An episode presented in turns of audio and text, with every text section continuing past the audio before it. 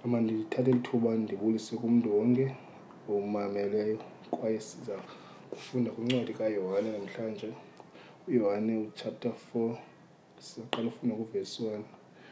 ukuya kuvesi uh, twenty-six. Yohane chapter four verse one ukuya kuvesi twenty-six. IBhayibhile ifunda ngolu hlobo phayane. Ithe, ithe ngoko inkosi yakwazi ukuba abaFarisi bavile ukuba ugqithisile ah, kuYohane ngokwenza nokubhaptiza abafundi, nakubeni ke ngokwakhe ebengabhaptizi, bekubhaptiza abafundi bakhe.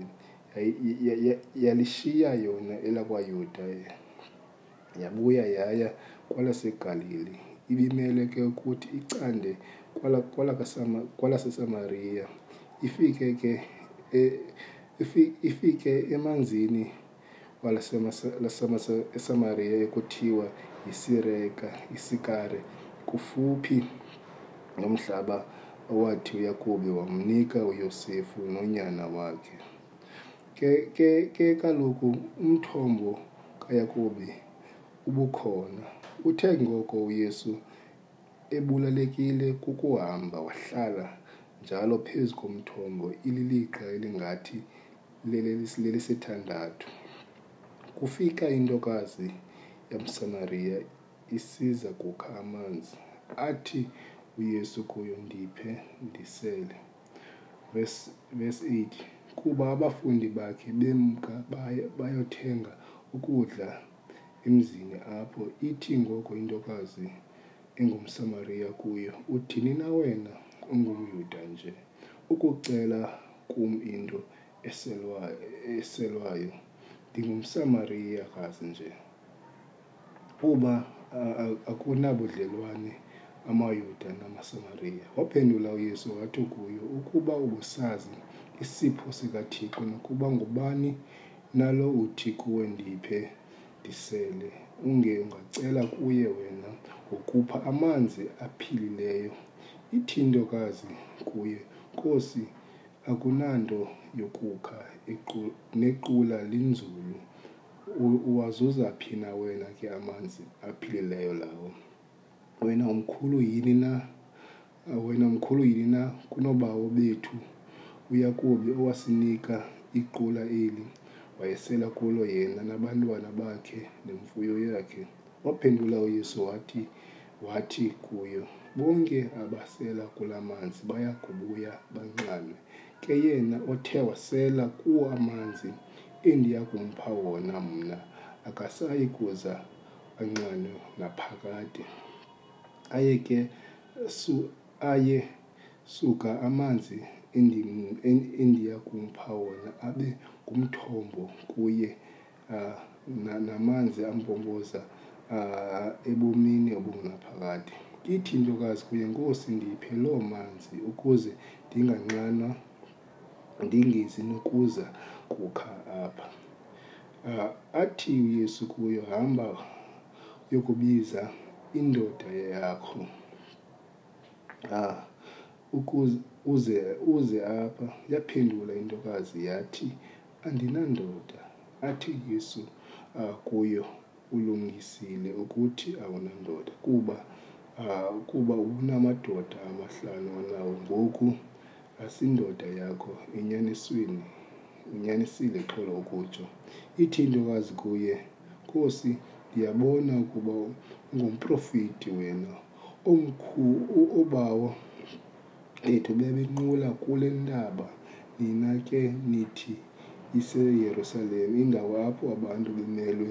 kukunqula khona athi uyesu kuyo ntokazi kholwa ndim kuba kuza ilixa eningasayi kuthi nakule ntaba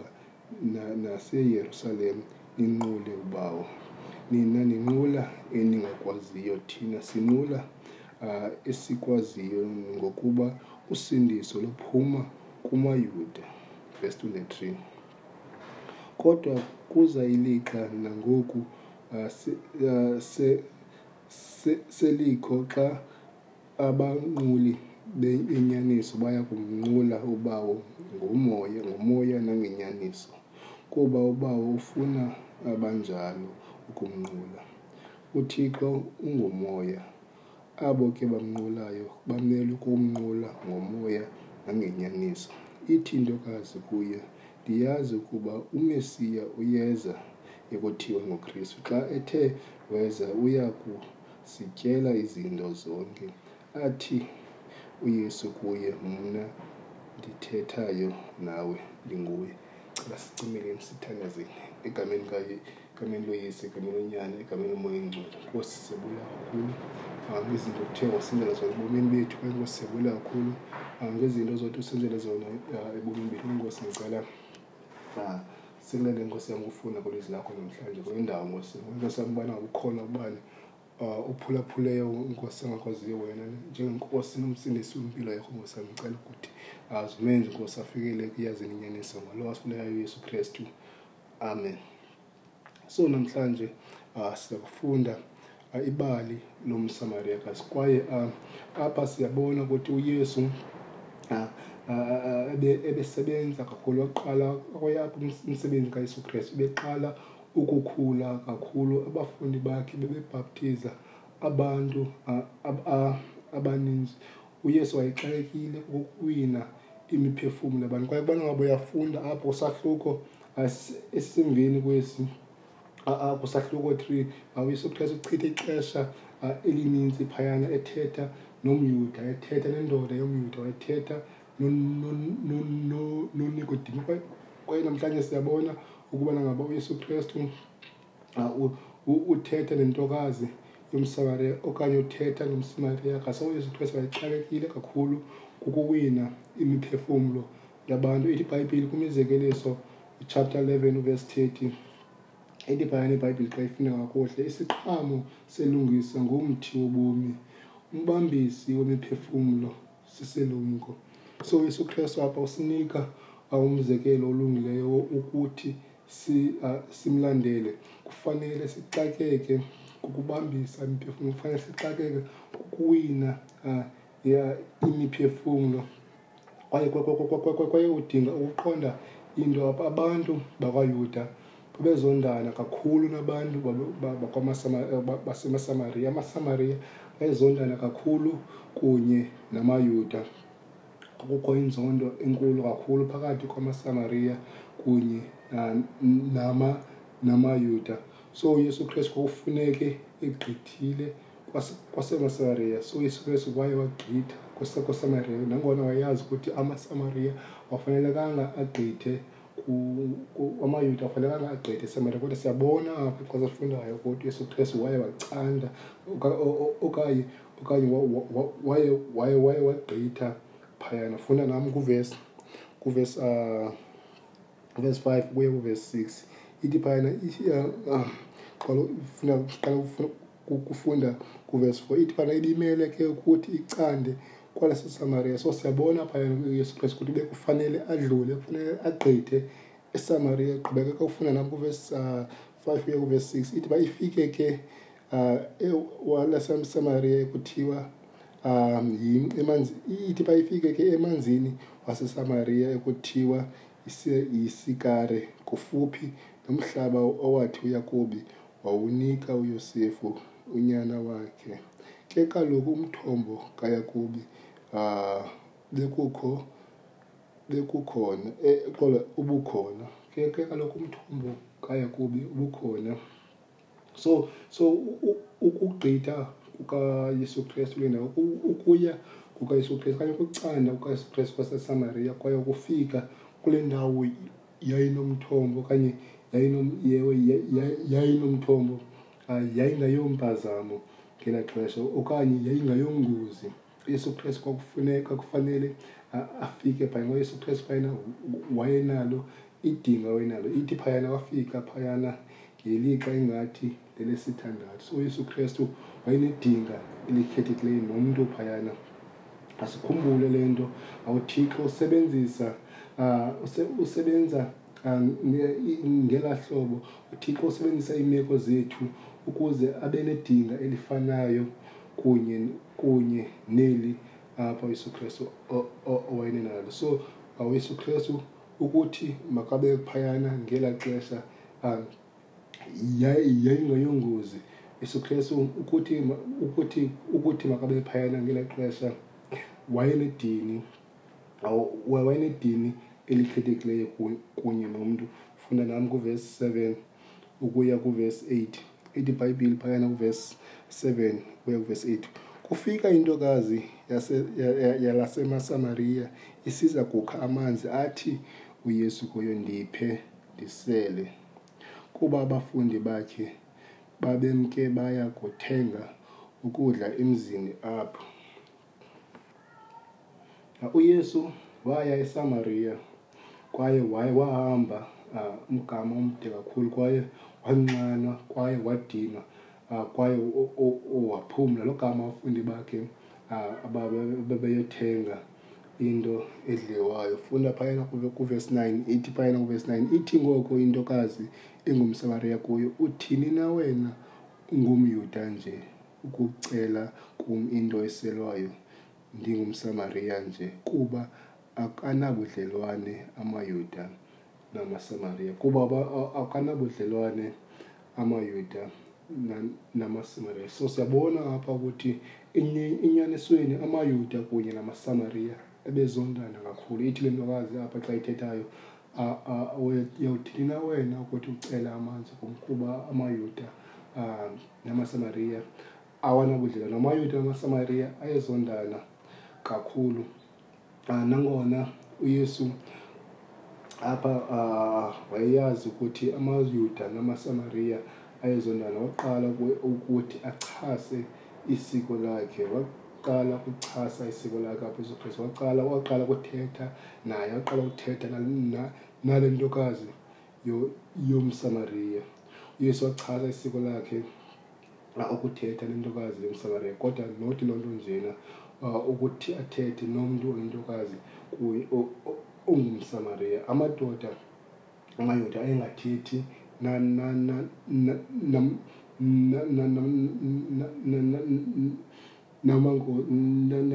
namankosi namantokazi ah, ayengathetha ingakumbi intokazi yomsamariya esikweni labo kwangavumelekanga ukuthi bathethe nabantokazi okanye ingakumbi intokazi ah, yomsamariya kodwa ezaa zinto kuyesu kristu zazingenamsebenzi um ezaa zinto zesiko labo kuyesu kristu zazingenamsebenzi bekukho umntu ebedinga ukumamela ivangeli uyesu kristu wayiqonda ukuthi kwakukho umntu ekudinga ukuthi eve uh, ivangeli so ezaa zinto azesiko labo zazinganamsebenzi kuyesu kristu kwaye kuyafana nakuthi namhlanje kuzofuneka sichase isiko lethu ukuze sabele ivangeli kufuneke uchase isiko lakho ukuze wabele uh, ivangeli so siyabona apha kuvesi 10 ukuya kuvesi uh, ukuya kuvesi 15 uyesu kristu apha uzatshintsha ingxoxo uzatshintsha incoko funda nam kuvesi uh, 10 ukuya kuvesi uh, 15 ithi ibhayibhile phayana kuvesi waphendula uyesu wathi kuyo ukuba ubusazi isipho sikaThixo nokuba ngubani na lo uthi kuwe ndiphe ndisele nge unge ucela kuye wena waphendula wakupha xola amanzi aphilileyo ithi intokazi kuye nkosi Uh, Nkosi, akunanto yokukha nequla linzulu. Uh, awazuza phi na ke amanzi aphilileyo lawo? Wena umkhulu yini na kunobawo wethu uYakobi owasinika iqula eli wayesela kulo yena nabantwana bakhe uh, nemfuyo yakhe? Waphendula uYesu uh, wathi kuyo, bonke abaselayo kula manzi baya kubuya banxanwe, ke yena othe wasela kuwo amanzi endiya kumpha wona mna akasayi kuze anxane naphakade. Aya kusuka amanzi endiya kumpha wona abe ngumthombo kuye kuye na, na, wamanzi ampompoza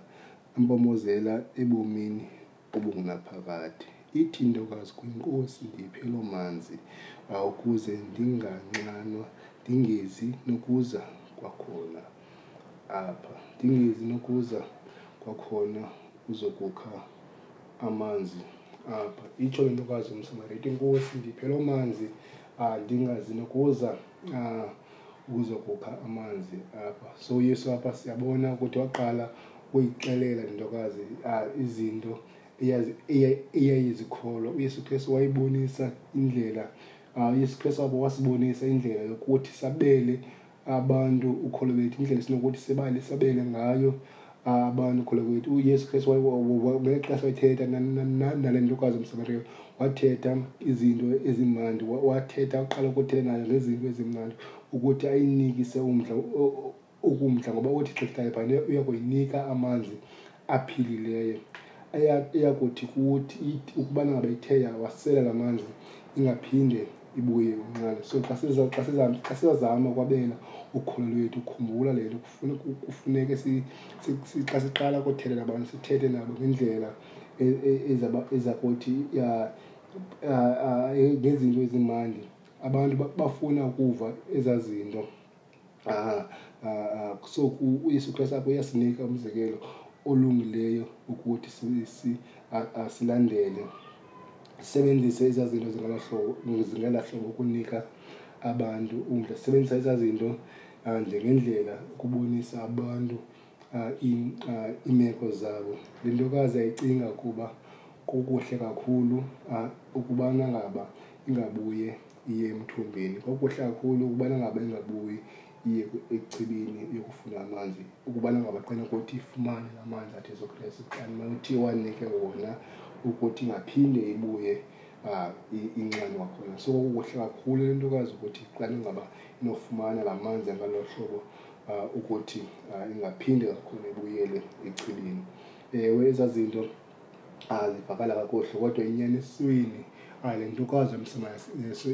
yomsamariya ayiqondanga nto intokazi yomsamariya eza zinto zivakala kakuhle kuyo kodwa ayisiva kamani kodwa enyanisweni yayingaqondi nto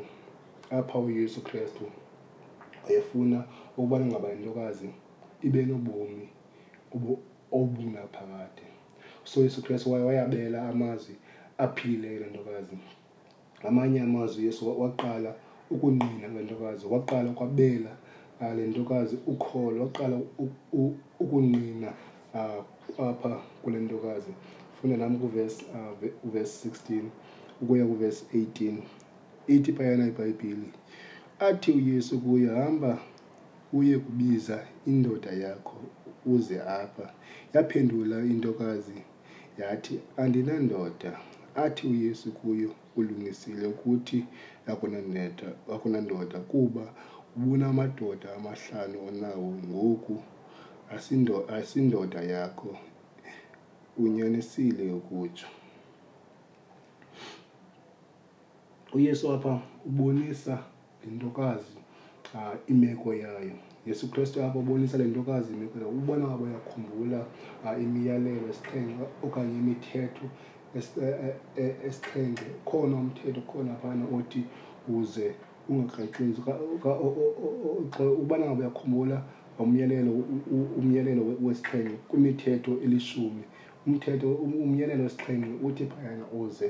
ungakrexezi uze ungakrexezi so uh, um, le nto le ntokazi uzikristu wayixelela amazi uvakalayo ubana ngaba uyakrexeza ungumkrexezi okanye ngamagama avakalayo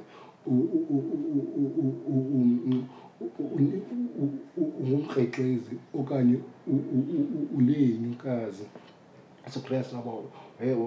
wayixela le ntokazi imeko yayo wayibonisa imeko yayo le ntokazi ubana ngaba yayingumoni wayibonisa uyesu kreste le ntokazi ubana ngaba yayinesono kwayijonga impendulo yakhe apha kuvesi 19 ukuya kuvesi 20 impendulo le ntokazi phayana kuvesi 19 ukuya kuvesi 20 ithi intokazi kuye nkosi Ndiyabona ukuba ungumprofeti wena.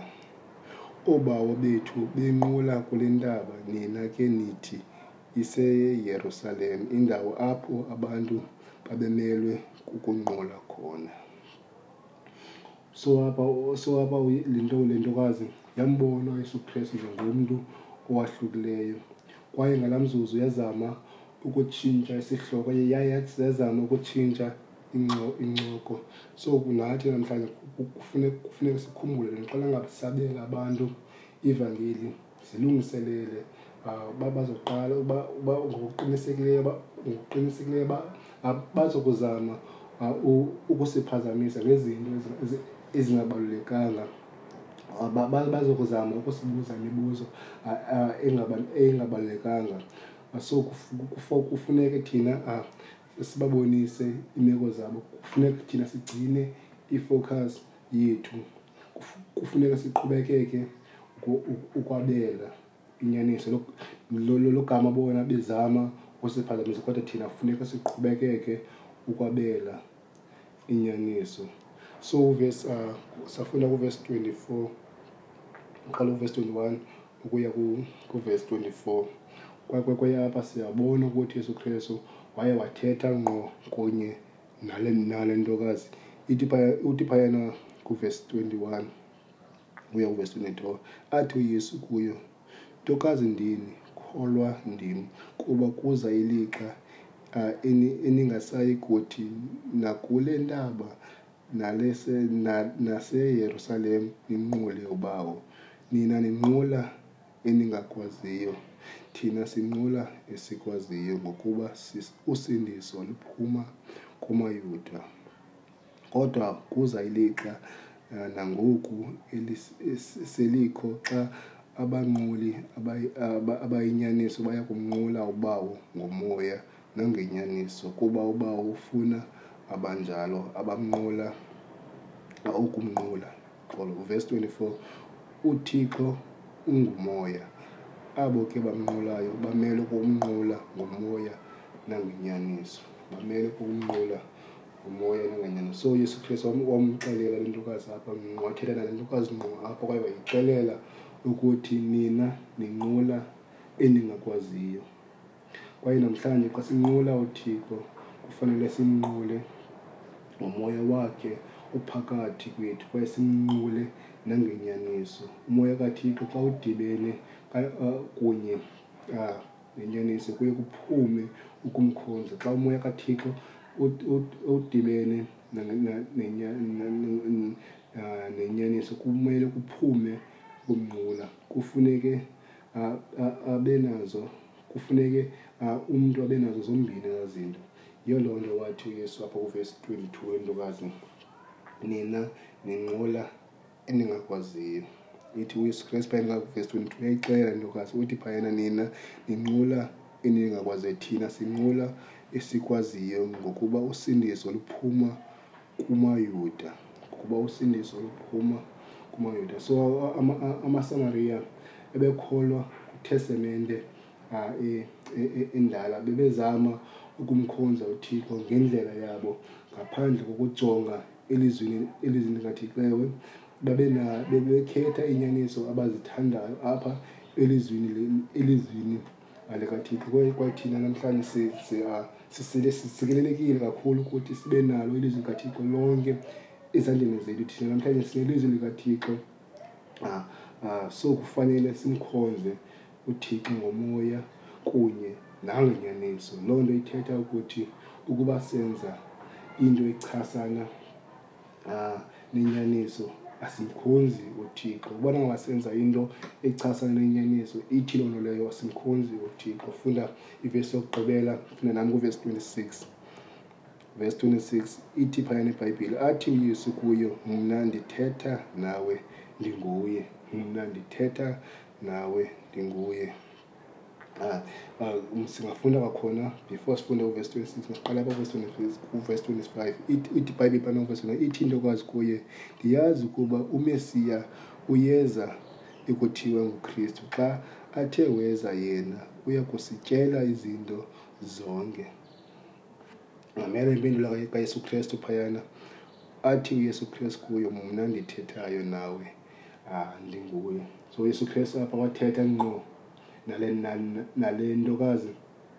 wa- wa- wa- wayixelela ngokucacileyo uku- ukubana ngaba ndinguye lo mesiya uthetha ngaye ndim lo mesiya uthetha ngaye mna ndinguye ukuba u- ufuna ah, ukumdumisa kufuneke wenze ngendlela yakhe ubana ngaba sifuna ukumdumisa Ah, uthixo kufuneke senze ngendlela yakhe kufuneke siyazi imeko yethu kufuneka siyazi imeko yethu kufuneka simazi ukuthi ungubani yena kwaye funeka siyazi ukuthi nguye yedwa umntu onokunceda imibuzo ah, emibini ah, ndizawugqiba Ingaba enyanisweni uyamkhonza uThixo? Ingaba ngenene nangenyaniso uyamkhonza uThixo? Ingaba uyamkhonza uThixo ngomoya nangenyaniso? Ingaba uyamkhonza uThixo ngomoya nangenyaniso? Cela sicimeleni sithandazeni egameni loYesu, egameni loNyana, egameni lomoya oyingcwele. Nkosi, siyabulela kakhulu. Ah, ngelizwi lakho nkosi yam endithe ndalifunda kule ndawo namhlanje kwenkosi ah, siyabulela kakhulu ngezinto sithe sazibona nkosi yam ah, ah, elizwini lakho nkosi yam kwenkosi ah, imfundiso ezininzi nkosi yam sizibonile nkosi yam ah, elizwini lakho nkosi yam kwenkosi yam sithathe nkosi yam imfundiso nkosi yam esithe sazifunda nkosi yam apha nkosi yam elizwini lakho ukuthi nkosi yam soziaplaye nkosi yam ah, kwaye nkosi yam sisherishe nabanye sisheleshela kwabanye abantu ngoba ngosamsibonile ngosamkuthi ngosamsinikile ngosamzekelo ukuthi ngosam siwulandele ngosam ngoba siyabulela kakhulu ngosam ngothixo ngobomi bukayesu kristu ngolwazi bukayesu kristu amen